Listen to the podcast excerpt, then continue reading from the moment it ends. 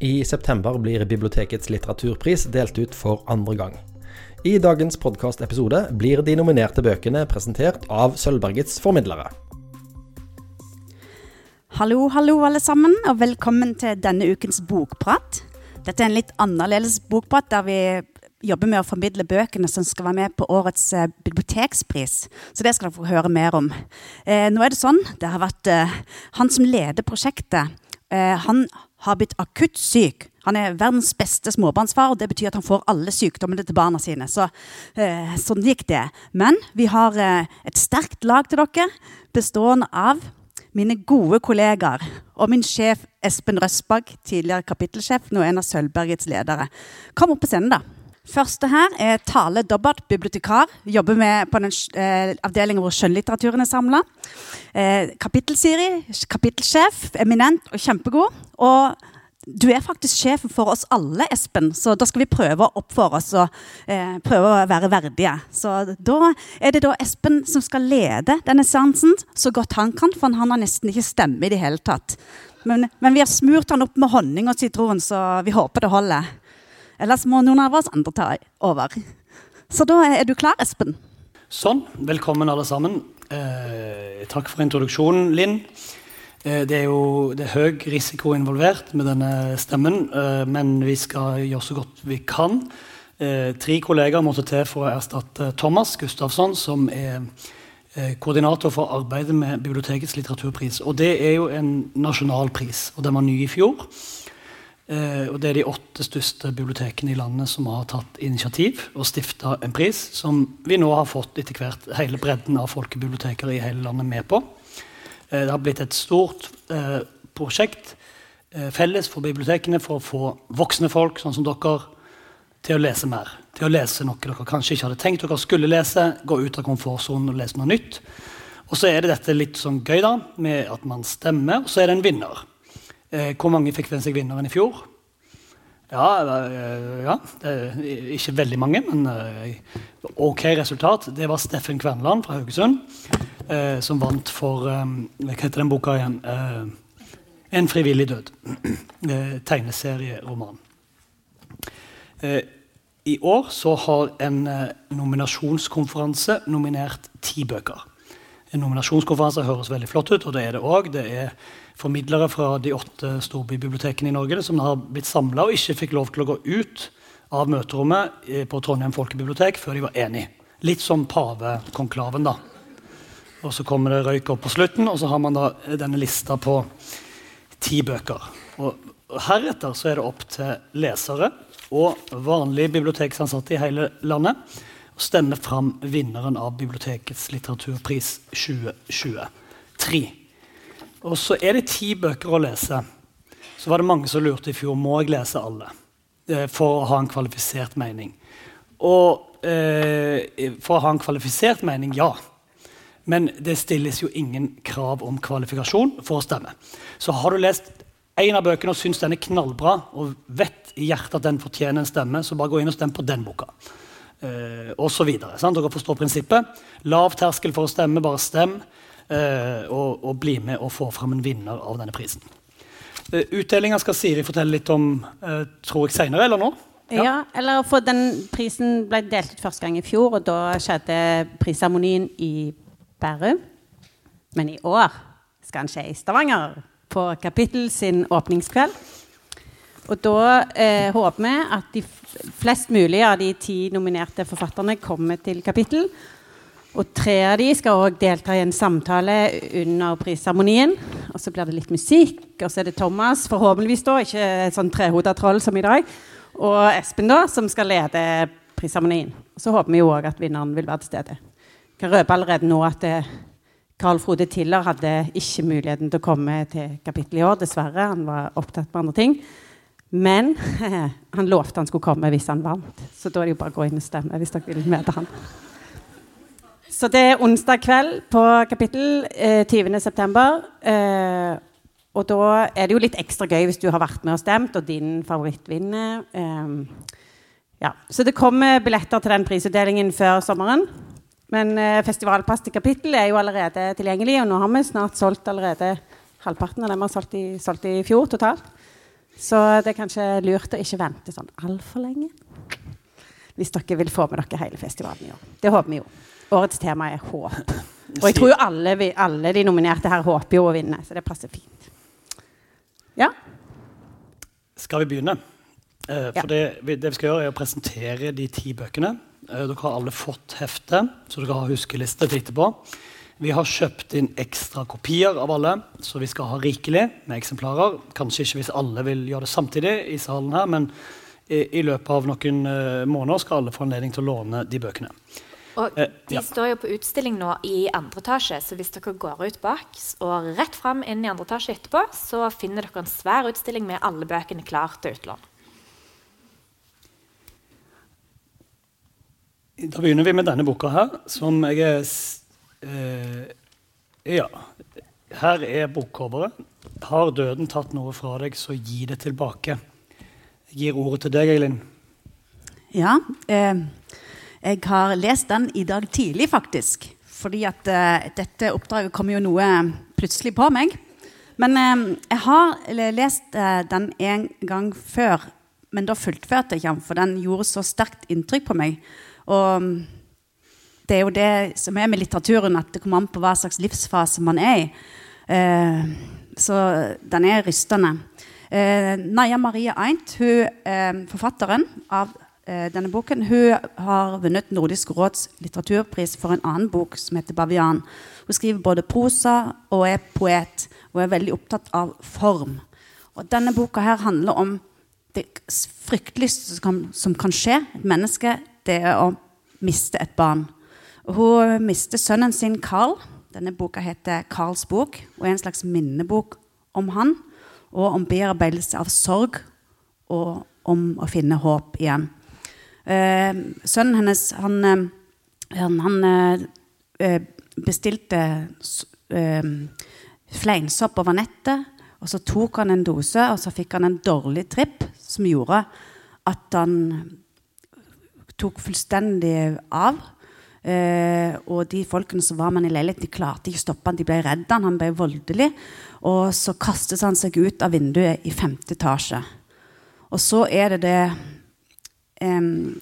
kunsten da hun som mor gjør i forhold til å Alt stopper opp for henne. Livet stopper opp. Og eh, måten hun bearbeider det i denne boka, er jo òg eh, mange referanser til andre poeter og forfattere som har gjennomgått noe av det samme. Hun går tilbake inn til lyrikken Mallarmé og en, mange Du får sånne små drypp, samtidig som hun er veldig opptatt av form og når hun skriver poesi. Så um, det, det, den scenen man kommer tilbake til hele tiden, det er scenen der eh, på lørdagskvelden der de mottar telefonen om at eh, Carl er død.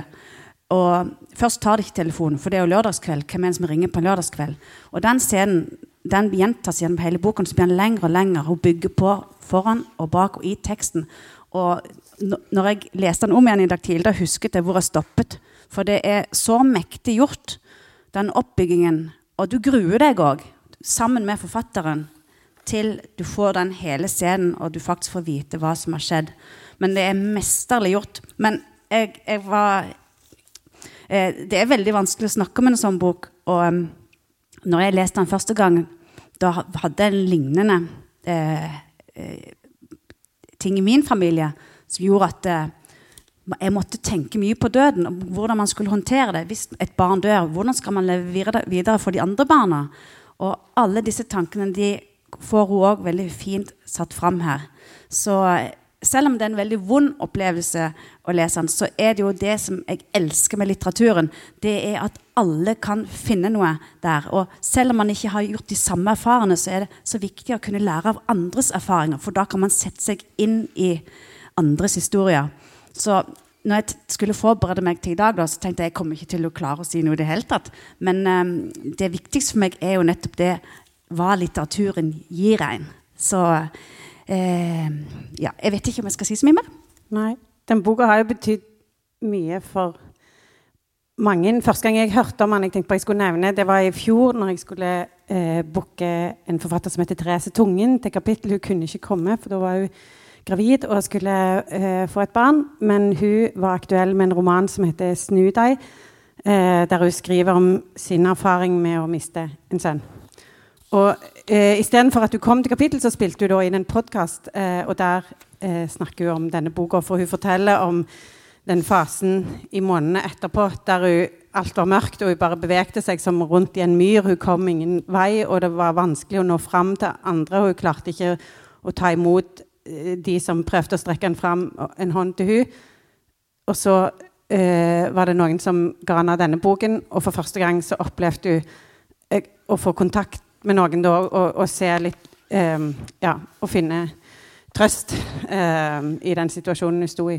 Så det er jo en vond bok, men det er òg en veldig viktig bok. Og Naya Marie Eit kommer òg til kapittel. Det er vi veldig glad for. uh, og vil òg delta på uh, utdelingsseremonien. Mm. Det er jo flere bøker her om uh, litt sånn sorgbearbeiding. Uh, bare for å si Det det er, det er en litt sånn trend på lista. Det er et uh, annet par som har mista et barn i Carl Frode Tiller sin roman 'Flukt'. Og denne kanskje for mange ukjente boka som heter um, 'Den siste kumle' handler om å miste foreldrene sine. Så her er vi jo inne i en slags trend. Det er kanskje ikke nytt av dette, er jo sannsynligvis evige temaer. Men um, jeg tenkte kanskje jeg skulle gå uh, til noe i og for seg helt uh, annet. Um, Gunhild Øyehaug sin novellesamling 'Vonde blomster' er nominert uh, til prisen. Gunhild Øyehaug burde mange ha et forhold til. Det er en av mine favoritter. i hvert fall, Bare for å komme med en sånn personlig notat helt på begynnelsen. Hun har blitt kalt oppfinnsomhetsdronninga i norsk litteratur. Jeg lurer på om det var Bernhard Elvsen i Morgenbladet som, som skrev akkurat det, eller så var det Karina Bedderi. Jeg husker ikke helt. Og, og, det er jo virkelig det som karakteriserer både romanene hennes og novellene, eh, og essayistikken òg, for de som orker å lese det.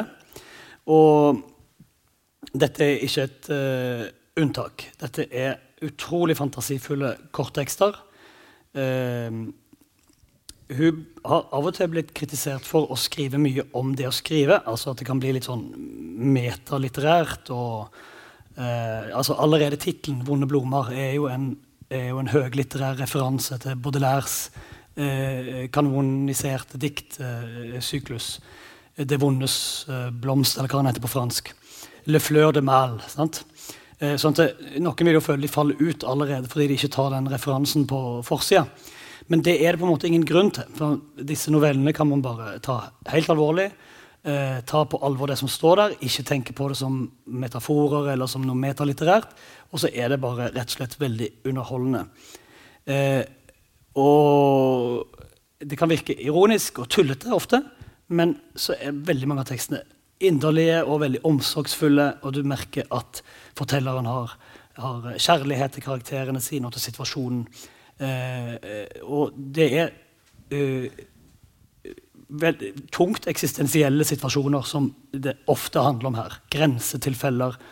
det å oppleve noe, noe stort og omveltende. og eksempler på det da, er at man menstruerer ut en bit av hjernen. og tilfeldigvis er orientolog og, og skal disputere om en uke. Og da har glemt Den biten var tilfeldigvis all kunnskap om fugler. Og det er fryktelig dumt når man er orintolog. Eh, da, da, ser dere jo at dette her er en dramatisk eh, grenseopplevelse for denne personen. Um, det er tekster her som protesterer på hverandre. Uh, det er én novelle som bare er et bilde av Baudelaire. Altså, det er veldig lekent. Uh, um, jeg vet ikke om jeg har tid til å lese en liten tekst. Jeg tenk, har jeg tid til det? Litt. Um, jeg tenkte jeg kunne bare, og det her er anledning at Nasjonalmuseet har fått ny direktør. Jeg husker ikke navnet nå, det var jo dumt, men det kan dere bare se på Aftenposten etterpå. Eh, men her, for her er det en novelle som heter 'Masjonalmuseet'. Og det er en morsom ting med Gunnhild Øyehaug, at av og til så er det, hun, hun tar ofte dette med feilskrivinger. Og så tenker hun seg opp i sitt kreative hode at eh, Tenk hvis feilskrivingen ble virkelighet, liksom. Altså, ja. Uh, og det er jo morsomt å tenke. Og her er det en tekst som heter Eh, Nasjonalmuseet.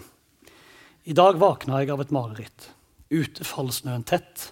Det lava ned, faktisk, og lyst var det ikke. Jeg setter beina på gulvet for å kjenne at uh, det var der. Jeg så dressen min som jeg henta for renseriet dagen før, og som jeg skulle ha på meg på åpninga. Henge på hengeren sin på utsida av skapdørene, slik at jeg eh, skulle kunne ta feil. Det var denne dressen. Skoa sto også plassert under dressen, så alt skulle være klart. Jeg oppsummerte. Gulvet var der, dressen hang, skoa sto. Alt var normalt. I drømmen, derimot, var jeg inne i det splitter nye Masjonalmuseet, som jeg også i drømme var direktør for. Jeg gikk en sjekkerunde før den store åpninga skulle finne sted. Gjennom alle rommene inne i dette nye monumentale museet i skifer uten vindauge, og oppdaga vindauge på vindauge som jeg ikke hadde sett før. Hele poenget tenkte jeg, var at det ikke skulle være vinduer i dette bygget, men her poppa det opp. Det ene vinduet etter det andre. Og skarpt lys fall inn gjennom glasset og inn på kunsten og rett inn på Skrik av Edvard Munch, som straks tok til å krakelere, slik islagde vann sprekker opp i tynne råker når en overraskende for en sjøl har trakka en stad der isen er for tynn. Deretter oppdaga jeg at Skrik hang opp ned. Jeg kikka meg febrilsk, omkring. Alle bildene til Munch hang opp ned. Og Så må dere lese resten av teksten sjøl, for det er jo spennende som, eh, hvordan dette ender. da, I Nasjonal, eh, Nasjonalmuseet. Vonde blomster, Gunne Høeg. Ja, og den er òg min, ja. Vi har fordelt litt sånn, Det er litt urettferdig, for egentlig så har jo jeg fem bøker, så skulle Thomas ha fem, og så, øh, ja, så har de litt mindre hver. da. Um, jeg et før jeg kjem er en uh, diktsamling det er debuten til forfatteren, eh, Kari Andeby. Eh, eh, en diktsamling er kanskje feil ord. Jeg tenker det er i, i, en diktfortelling. Eh, det er en sammenhengende historie her, det er et plott. Den er helt grei å lese som, en, eh, som man ville lest en roman. Og det er òg et språk som er så naturlig, prosaaktig. Eh, ikke eh, utprega poetisk eller, eh, eller fortetta. Det er ganske muntlig talenær nynorsk. Um, det er et hovedtema, og det er livet på Tinder. Og det gjorde at denne boka, som kanskje noen husker, fikk litt sånn oppmerksomhet når den kom. Kanskje første diktsamlingen om det. da, Hvordan det er å være på Tinder. Uh, dette er tilgjengelig, det er lesbar uh, lyrikk. Kanskje spesielt interessant for um, humaniora-studenter rundt 30 eh, år. da. Så Jeg vet ikke hvor mange av de som er i salen i dag. Eh, men man kan jo finne eh, andre motivasjoner for å være interessert i dette temaet. da. Og en ting som er universell, er at det òg handler i ganske stor grad om å ikke finne sin plass her i verden. Hun har ikke jobb, hun går på Nav, hun har ikke funnet kjæreste. Og eh, dette, I diktsamlingen så er knytta til en bestemt livssituasjon og alder, men dette er jo følelser og en situasjon alle kan kjenne seg igjen i. Um, så må du jo fortelle om den lille anekdoten som hører med til den boka. Oh, ja. Uh, ja, fordi, ja. Skal jeg si det, eller du? Uh... Um, vi kan si det begge to. skulle jeg si. Men fordi Vi har jo allerede snakket om Thomas, som var på forsidebildene her. og Mange av dere kjenner kanskje til han fra før av. Han er jo koordinatoren for prisen. Og når han eh, skulle skrive omtaler, som dere finner i det lille heftet, programmet dere har fått, eh, så gikk det litt fort i svingen. Og Thomas er jo hvis dere ikke vet det, han er jo svensk. Så av og til så eh, går det kanskje, så er det noen språklige finurligheter som, som kommer ut av det. For Thomas hadde da skrevet eh, om denne diktsamlingen at eh, hovedpersonen er jo hun er, hun er 35, litt redd for å bli gammel, kanskje. Og det hadde han formulert som at det er en truende middelalder i denne boken. Og det greip forfatteren tak i på sosiale medier. På svensk er jo det helt korrekt. Det er midtlivs, uh, livs krise, ville vi ja. kanskje sagt på norsk. Ja. Sant? Ja, ja, ja. Så, uh, Men det var tre norske så korrekturleste. Ingen fanget det opp. Ingen fanget det opp, Så dette er jo bare en feil vi alle må stå inne for. Og Forfatteren skrev da på sosiale medier hvor hun oppfordrer alle til å stemme på hennes bok eller på andre. Selv om boka blir beskrevet som en bok om truende middelalder på denne nettsida, sier hun til en kommentar. Og så skriver hun er dette en bok om borgerkrigstida i Norge på 1100-1200-tallet. Jeg tror ikke det, altså. Men nå ble jeg litt usikker. Og så kommer det senere et innlegg til, for hun har ikke klart å slippe dette. Jeg fikk plutselig ord på meg for å skrive dikt om truende middelalder. Nå skal de få se. 1130-style. Så her har da Kari Anne By eh, skrevet et dikt eh, som hun kaller for 'Truende middelalder'. Som en respons. Ja, ja, vær så god.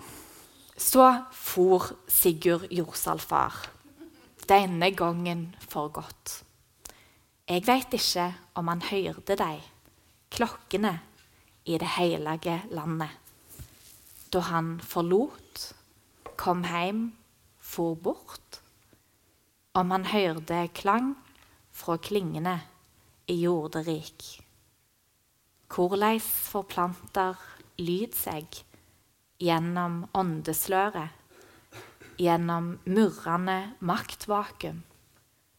Vi veit ikke, veit ikke. Han er faren og hvetebrannene brenner. Så med dette diktet så føler jeg jo hun illustrerer at hun kan skrive mer enn bare bøker for eh, 30 pluss-årige humaniora-studenter. Det illustrerer jo òg et av poengene til Gunnhild Øyehaug, at en eh, feilskriving uh, uh, kan utløse masse kreativitet og masse morsomt. Ja. Mm. Og hun understreker hvorfor vi trenger en ekstra litteraturpris. Da blir det en ny litteratur. Sant, ja. Er ikke det fantastisk? Og Espen, du er jo ikke på Tinder. Du er jo gode, varme, trygge hender. Men uh, jeg vil bare si at det er, Tinder har ikke noe øvre aldersgrense, altså. Okay. ja. um, da tror jeg vi er inne på um, Lucy. Ja. Og det skal du ta deg av å fortelle om, Tale. Ja. Uh, Lucy. Dette var en av mine aller største leseopplevelser fra i fjor. Um, Boka begynner med at Lucy, som er 19 år, eh, drar fra sitt hjem på de vestindiske øyer for å bli au pair i en firebarnsfamilie i et ikke navngitt sted, men eh, jeg tror vi klarer å tenke at det er USA. Og allerede der så møter jeg mine egne fordommer i døra. For da tenker jeg sånn åh, ung kvinne eh, fra de vestindiske øyene skal til, kanskje til New York. Eh, her er det rom for veldig mye usikkerhet, og dette blir sikkert en forferdelig erfaring. Men Lucy er en moderne Pippi, så eh, hun er ikke redd. Hun kommer inn i dette nye livet og tar for seg av nye vennskap, kunstopplevelser og elskere. Og Lucy har et veldig klart blikk på denne nye verdenen. Eh, hun er nådeløs i sin analyse. Og ikke minst den veldig elskverdige, men naive vertsmoren Maria får gjennomgå når eh, vi får innblikk i hennes privilegier, som hun tar helt for gitt. Og Et av de mest kjente eksemplene fra boken er at Lucy som barn eh, i en britisk koloni måtte lære et dikt om påskeliljer utenat. Og dette er en blomst som hun aldri har sett i livet sitt, som ikke vokser der hun er hjemme, men som hun blir tvunget til å forholde seg til. Og når hun forteller Maria om denne eh, erfaringen, eh, så blir Maria veldig lei seg. fordi For Maria så er våren forbundet med påskeliljer. Eh, det kjenner jeg meg igjen i. Det er noe nydelig. Det er liksom på en måte begynnelsen av dette nye, den årstiden og livet. Så Maria bestemmer seg for å vise eh, denne siden av påskeliljene til Lucy. Og tar henne med som en overraskelse til, et, eh, til, en park hvor de vokser i overflod. Og det er bare påskeliljer så langt øyet kan se. Og Lucy sin reaksjon er at hun får lyst å bare ta en stor ljå og kutte av hodene på alle påskeliljene. Og det synes jeg viser på en ekstremt elegant måte hvordan eh, Jamaica Kincaid eh, setter søkelys på vante situasjoner for oss eh, og, og med et skråblikk. Eh, hun viser hva spor kolonitiden har satt hos eh, eh, de som er fra tidligere koloni, kolonier. Og ikke minst hos oss som kanskje etterkommere av tidligere kolonimakter. Og hvor mange privilegier vi sitter igjen med fremdeles. Um, det er en veldig humoristisk bok, og Lucy er som sagt en fantastisk sterk karakter som jeg hele veien kommer tilbake til. Uh, Åshild Lappegård er hun som har oversett boken. Uh, og hun har klart å beholde eh, undringen i det litt sånn springende språket til Jamaica Kincaid, som kanskje tar noen vendinger i løpet av en setning. og noe annet jeg syns hun virkelig lykkes med, er å beholde eh, varmen i de to hjemstedene til Lucy. For hun er jo innvandrer. Sant? Så hun, hun, kommer fra de vestindiske øyene og så drar hun til USA. Og jeg sitter og leser dette med mitt norske blikk, men føler meg allikevel hjemme både der Lucy kommer fra, og der Lucy kommer til. Så dette er ikke bare en nydelig og sterk fortelling om makt, men det er òg et nydelig stykke oversettelseskunst. Så en virkelig varm anbefaling. Ja. Ja. Og det er ja. Ja, jeg skulle bare si at forfatteren Kincaid hun var nettopp i Norge, så hun kommer dessverre ikke til kapittel. Men vi håper oversetteren kommer. Hun var også her og holdt foredrag på Klassikerlørdag om den boka. Så det var kanskje noen av dere som fikk med dere det. Det er jo en, uh, en liten korrekturblemme òg i uh, omtalen av den boka. Det, dere ser det står her uh, som første setning i omtalen i heftet står det 'Les en framtidig'. Og det er jo en ufullstendig setning. Men dette var fordi forslaget var jo i, i, utgangspunktet fra Tale og Thomas, tror jeg. 'Les en framtidig nobelprisvinner'. Yes. Og så diskuterte vi dette, så tenkte vi nei, det blir litt sånn lite objektivt. Vi tar det ut. Eh, men så har eh, vi bare huska i farta å ta ut ordet nobelprisvinner. Så nå får da, eh, bortsett fra dere som har forklaringen, får bare undre seg da over hva dette her 'les en framtidig' egentlig eh, betyr for noe. Eh, sant? Ja. Eh, flukt. Carl Frode Tiller. Carl Frode Tiller er jo um, ja, Han er vel en av Norges mest respekterte forfattere, kan vel de fleste være enige om. Eh, og spesielt etter eh, storverket 'Innsirkling'. Eh, Regna som et storverk i norsk litteratur. Skriver til og med de ganske vanligvis nøkterne artikkelforfatterne på Store norske leksikon. Så eh, Carl Frode Tiller er vel på vei inn i de kanonisertes rekker. Og eh, dette er jo den eh, er det den siste, sant? Fremdeles? Uh, ja, det har kommet en diktsamling, men det den siste romanen til Carl Frode Tiller, som heter 'Flukt'. Um, og det er en uh, dypt fascinerende roman, tenker jeg. Er det mange som har lest den allerede? Nei. Det er, ja, noen få, men overraskende få, egentlig. Jeg tenker denne fortjener mange lesere. En fascinerende roman der Eh, perspektivet hele tida flytter seg mellom de tre som det hovedsakelig handler om, tre hovedpersoner. Og det flytter seg gjerne midt i en setning. Og, og, det kan man tenke er litt sånn irriterende litterært virkemiddel. At det plutselig flytter seg, og så bare blir vi forvirra. Men det må jeg si at uh, her funker det uh, uh, virkelig bra, og det er nok helt nødvendig. For her er det ikke bare perspektivet og, og fortelleren som flytter seg eh, for å forvirre oss eller for å være litt sånn ekstra litterær. Det er bevisstheten, eh, selve virkeligheten og livet som, som flytter seg, og, og ting eh, Det er veldig overbevisende beskrevet hvordan ting glir inn i hverandre, hvordan disse menneskene sine blikk og perspektiver glir inn i hverandre. Eh, og det tar ikke lang tid å komme inn i. Det er ikke sånn at 'Å, hva skjedde nå? Hvor er vi nå?' Det er veldig eh, eh, elegant og flott og, og, enkelt og greit gjort. Og så handler det om døden, da, som jeg var inne på. Eh, blant annet, i hvert fall, Det er en sønn som har dødd. Det er ikke å røpe en hemmelighet, for det kommer fort fram. Og to foreldre som da har gjennomgått denne verste krisen man kan oppleve. Og, og famle seg bort fra både hverandre og tilbake igjen til hverandre. Og det handler om disse forholdene. Eh, om forholdet mellom generasjoner, om deres foreldre igjen. Eh, og det som er litt løye, er at jeg syns det var eh, På tross av at tematisk så kunne man jo tro at det krever litt sånn eh, at man setter seg ned og er klar for tungt stoff, så var det en oppløftende bok. Det er friskt og naturlig skrevet. og ja, jeg, synes, jeg ble egentlig glad av å lese den, på tross av dette her litt uh, triste uh, temaet. Så det uh, Der har dere i hvert fall fra én leser. Har jeg tid til å, nei, har jeg tid til å lese litt fra den? eller?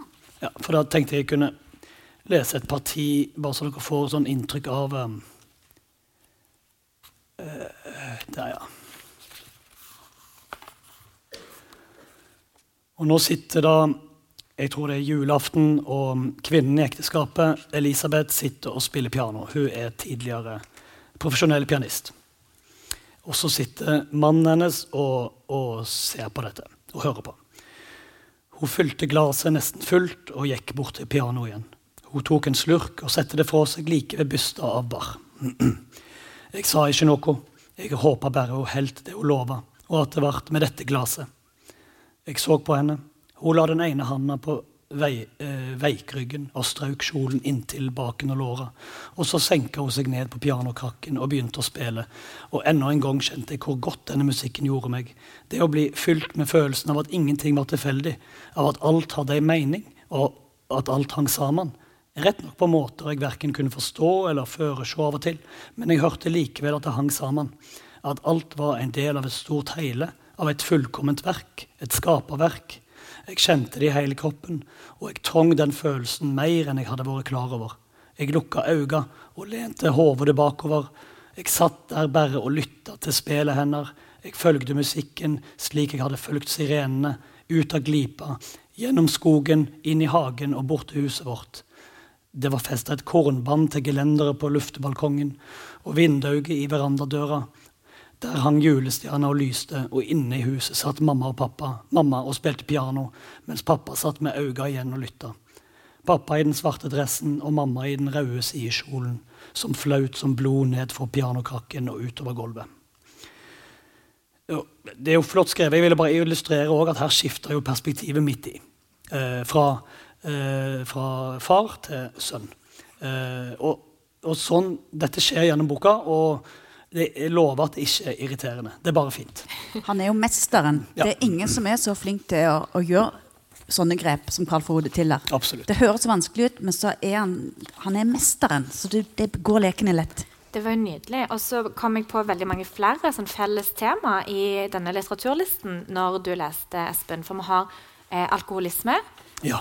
Sterke kvinnelige karakterer og mødre. Stemmer. Og så har vi òg en fengselsroman.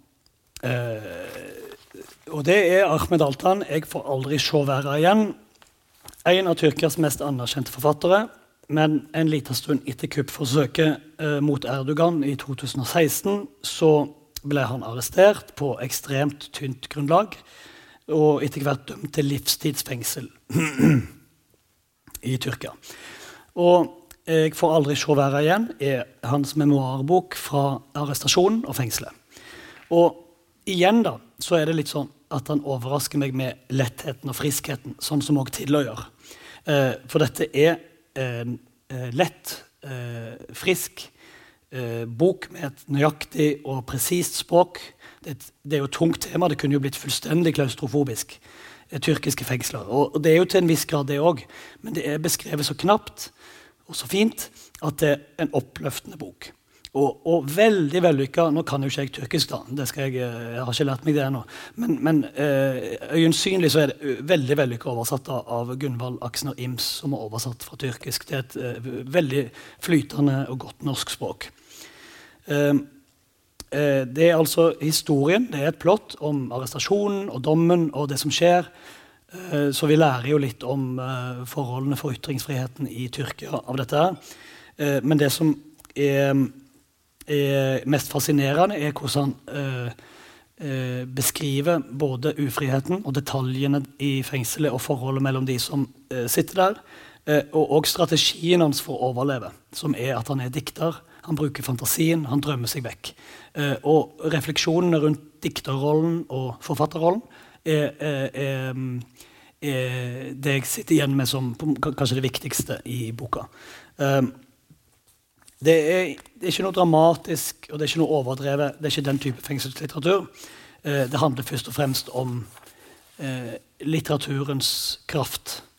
Uh, og anbefaler denne òg på, på, det høyeste å lese. Eh, og en roman som trenger eh, og en, eh, ikke en roman men en memoarbok som trenger mange lesere. Det er et viktig tema og en god bok.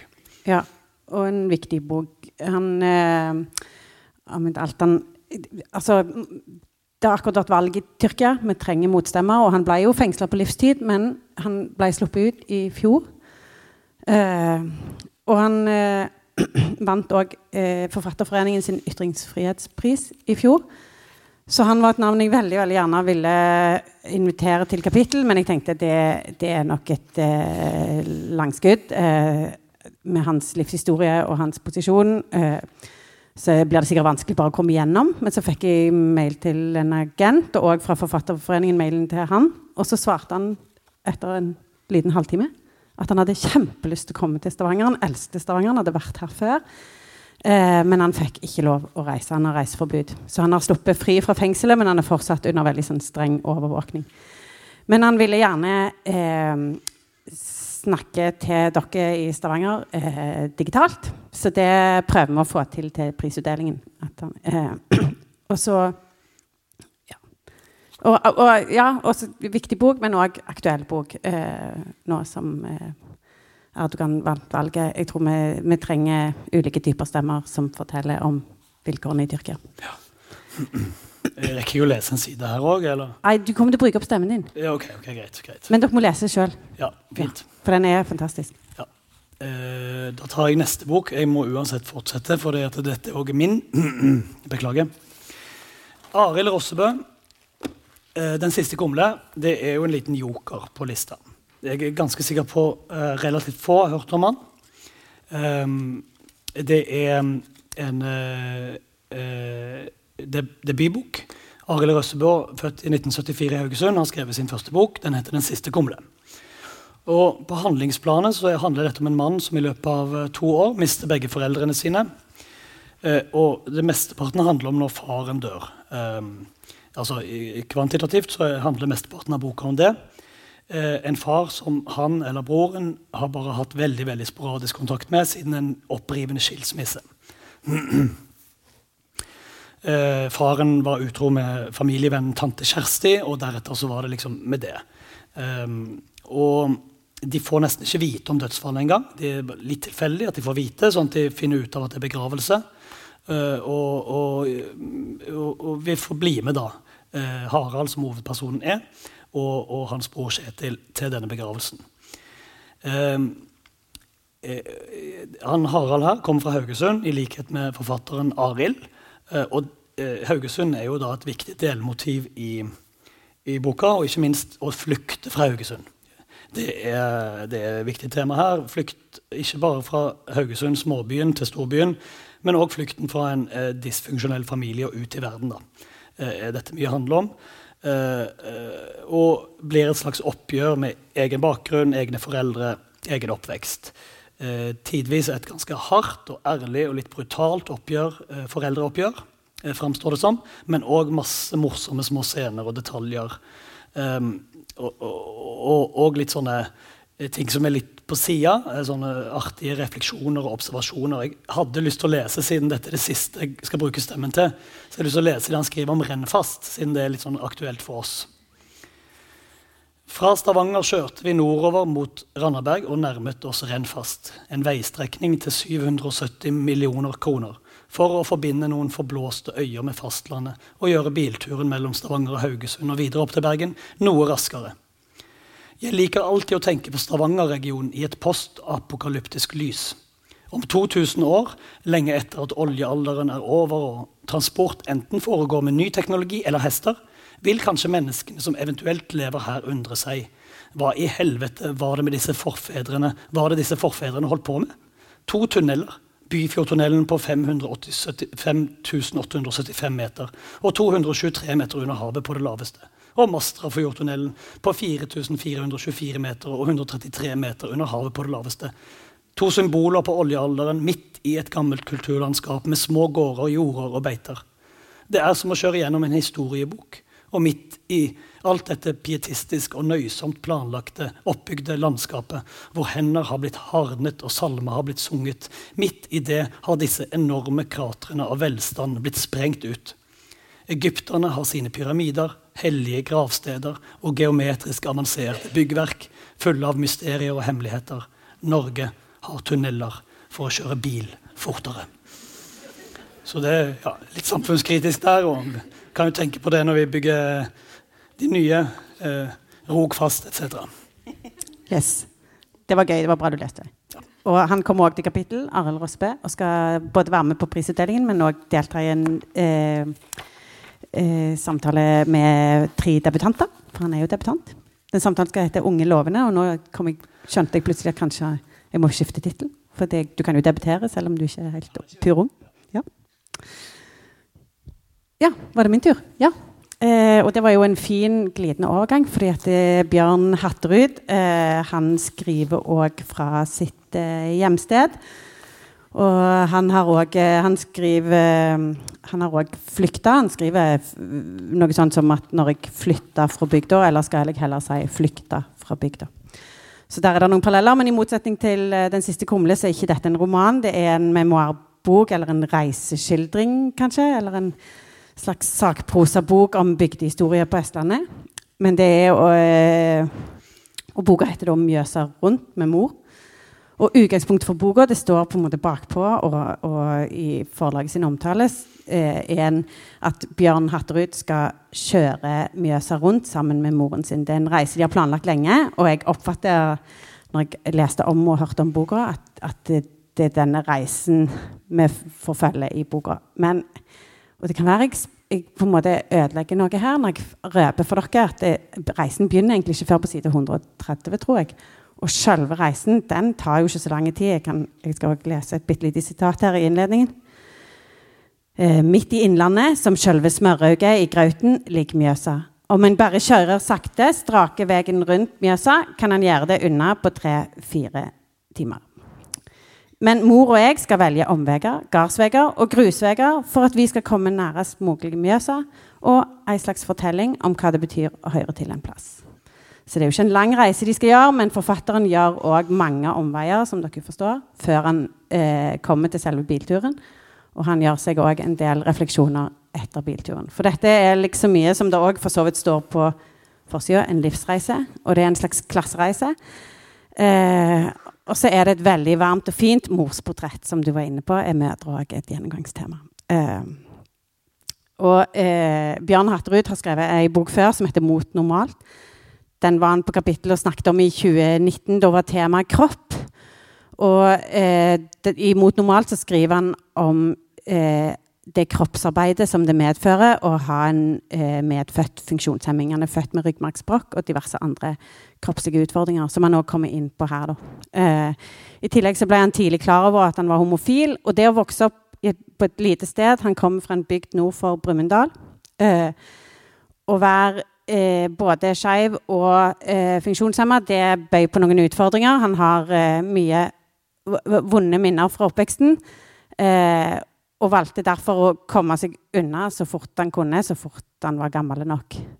Samtidig så har han aldri slutta å lengte hjem, for han har vokst opp med en veldig omsorgsfull mor og far, eh, og en omsorgsfull og god storbror. Eh, og dermed så kjenner han på denne dragningen mellom eh, å ha behov for å komme ut i verden og vekk fra det vi har vokst opp eh, rundt, og samtidig den restløsheten man kjenner på når man har forlatt røttene sine. Um, så det reflekterer han en del over i starten. Uh, og så er det òg et, et, delmotiv her, og det er kanskje bilen. De skal jo ut på en biltur, og bilen har kanskje en viktigere plass i hans liv enn i andre sitt liv. For som han sier det sjøl uh, ja, det, det, første framkomstmiddelet var jo moped og ikke bil. Uh, men det var jo det samme med mopeden som med bilen. Med moped var jeg ikke lenger funksjonshemma. For på hjul så er han fri, og på hjul så glir han inn i mengden. Og på hjul så kan han komme seg fram og ut i verden like fort som alle andre. Og derfor er bilen så viktig for han. Eh, og derfor gleder han seg til denne turen som han og moren skal gjøre. Eh, og så var det lenge sånn at han, når han kom tilbake til til Brumunddal, så klarte han nesten ikke liksom, stoppe for å fylle bensin engang. For han fikk sånn kroppslig ubehag og minner om mobbehistorier og alt han hadde opplevd og kjent på av utenforskap. Men så er vel dette òg et slags denne boka og denne bilturen et slags forsøk på å skrive seg ut av det. da, og Legge det bak seg. Og, og han skriver med utrolig stor kjærlighet både for hjemplassen og bygden og bygdehistorien, men òg, eh, som nevnt, om mora og så er det jo sånn at Han har noen spesielle erfaringer med utenforskap som kanskje ikke alle har kjent på, men han skriver samtidig så utrolig allmennmenneskelig om disse eh, mange erfaringene som alle kan ha i løpet av livet. Blant annet så skriver han eh, eh, ja, at det beste han visste når han var veldig liten, var at faren bar han i seng. Eh, Og så skriver han så fint Slik er livet. En går rundt øh, ja, fra Kveld etter kveld bar han faren han i seng, men så var det brått slutt. Og så skriver han Slik er livet. En går rundt og er for liten. Og så brått er en for stor. Den vesle glipa da en er akkurat passe, er ikke lett å oppdage. Og det er jo noe vi kanskje alle kan kjenne igjen når vi snur oss og ser tilbake. Um, og så uh, tenkte jeg òg jeg bare skulle For det, det, høres kanskje trist ut, dette, men han òg skriver med, en, med, en, med, et veldig sånn reflektert og muntert blikk. Og jeg var inne på at han har gjort en klassereise, for han kom jo fra, fra en bygd der de fleste var vokst opp der og ble der og jobb, uh, resten av livet, mens han har da valgt å reise ut og vekk. Han reiser til Oslo. Og istedenfor å drive med kropps- og gårdsarbeid, som mange i hans slekt, uh, så, så, har han eh, sysla med skriving og blitt en del av kulturlivet. Og, eh, men så kjenner han igjen på en sånn dobbelthet, en slags dårlig samvittighet for å ha forlatt røttene sine. Uh, men eh, og, og, det òg er jo veldig sånn gjenkjennbare refleksjoner. Men, men, han er alltid velkommen hjem, og moren og faren er bare stolte av at han er ute i verden og gjør sine ting. Og det er en sånn varm tone mellom de som jeg tenkte jeg skulle illustrere med et bitte lite utdrag før, før nestemann kan snakke. Eh, og da er han hjemme og i stua hos moren og faren. Eh, og vi sitter i stua. Mor med nettbrett i handa, og hun leser Ringsaker Blad. Hun forteller meg om ei gravferd hun var i nylig, der kista var blå. Hun synes det er så fint at en kan velge ulike farger på kista nå. Tidligere var vi alle like som lik. I grava skulle vi være anonyme og audmyke om vi hadde vært aldri så fargerike som levende. Jeg sier på spøk at hun kunne jo ha ei motivlakkert kiste når den tid kommer. Hun legger ned nettbrettet og tenker et sekund før hun svarer. 'Ja, ei kiste med flammelakkering på', sier mor. Eh, 'Blir ikke flammer på kista litt smør på flesk når du likevel skal kremeres?' spør jeg. Og så ler vi godt, begge to. Og sånn er denne boka. Denne samtalen kommer ut av at han, grues, han, han, reflekterer over at han er voksen, og at på et eller annet tidspunkt så kommer foreldrene til å dø. Eh, men så, så, får han fram eh, det lune og fine i det òg, med, med, en sånn samtale. Så eh, anbefaler denne boka eh, varmt. Og den er lettlest og, og fort lest, men den sitter lenge igjen eh, i kroppen. Nå skal vi over til et, eh, en mor som ikke er like god som Bjørn Hatterud sin. I Maria Kjos Fond sin Kinderhår så møter vi Charlotte når hun er syv år. Og hun går alene til butikken gjennom tåken langs en trafikkert vei med mora sin skinnhanske i hånda. Det er lørdag, og mamma ligger hjemme og sover. Så Charlotte, syv år, kjøper seg ei bolle. Og så lar hun skinnhansken tørke av melesen i fjeset.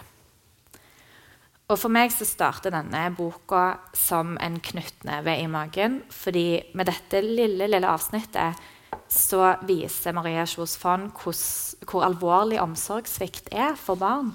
At en syvåring er nødt til å gi seg sjøl kjærlighet gjennom mora sin hanske fordi mora ikke er til stede. Um, dette går jo ikke bedre for Charlotte, fordi uh, siden mora ikke er til stede, og hun tar stadig nye menn inn i livet til Charlotte, så um, blir Charlotte etter hvert utsatt for overgrep av en av disse stefedrene. Og hun eh, faller inn i et mønster hvor for å takle disse forferdelige erfaringene så blir hun aggressiv, hun utagerer og faller inn i rusen. Så den er beinhard. Og jeg må innrømme at Før den ble nominert til denne prisen, så har ikke jeg lest boken. fordi med den tematikken og den tittelen, som jo er grusom kinderhår, så tenkte jeg dette vet jeg ikke om jeg orker å forholde meg til. Men når jeg først begynte å lese den, så ble jeg veldig imponert over hvordan Kjos Fond eh, inntar et barne- og ungdomsperspektiv når hun skriver om Charlotte. Eh, det blir gjort på en veldig varm måte om vanskelige tema. Og hun har utrolig mye humor, beksvart humor, men humor i denne boka. F.eks. når Charlotte snakker med en psykiater og skal prøve å forklare hvordan hun har det. Så vil jeg lese et lite utdrag for dere. Han spurte hvordan jeg følte meg. Alt er bare feil, sa jeg. Som om du skal spise pølse og lompe og tar på syltetøy i stedet for sennep. Skjønner du? Feil. Charlotte, sa legen alvorlig. Ser du pølser? Jeg begynte å le. Og det måtte jo jeg òg når jeg leste dette partiet. Fordi det er et system som er så dårlig at, at en må jo bare le. En vet ikke hvordan en skal takle det ellers. Og det viser òg at Charlotte ofte er den smarteste personen i rommet. Og det gir meg håp og tro på at hun klarer å komme seg ut av det til tross for veldig mye motstand. Eh, og det gjør hun òg etter hvert, så det er mye håp i denne historien. Maria Kjos Fond sitt litterære prosjekt som forfatter er å gi en stemme til de av oss som faller utenfor i samfunnet. Eh, og det syns jeg hun gjør på en utrolig varm måte. Eh, Charlotte er ikke bare sympatisk. Hun gjør ting i løpet av denne fortellingen som er direkte grusomme. Men fordi vi får innsikt i bakgrunnen hennes og i hodet hennes, så klarer jeg å få empati for henne. Og boka minner meg på at det er ofte en grunn til at noen oppfører seg utagerende eh, og usympatisk. Og hun gir et, eh, ja, et ansikt til disse menneskene og, og, vise oss hva som ligger bak en, en veldig hard fasade.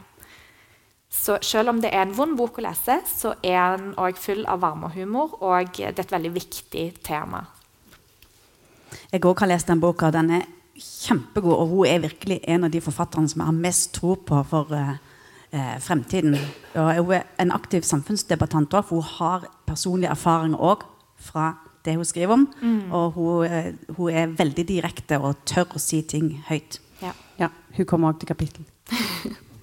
det blir fint. og så har hun vunnet Brageprisen for den boka, har hun ikke? Eller husker ikke? Var hun nominert? Det var bare egentlig for å si at jeg glemte å si at denne vant Kritikerprisen og Fritt Ord sin pris.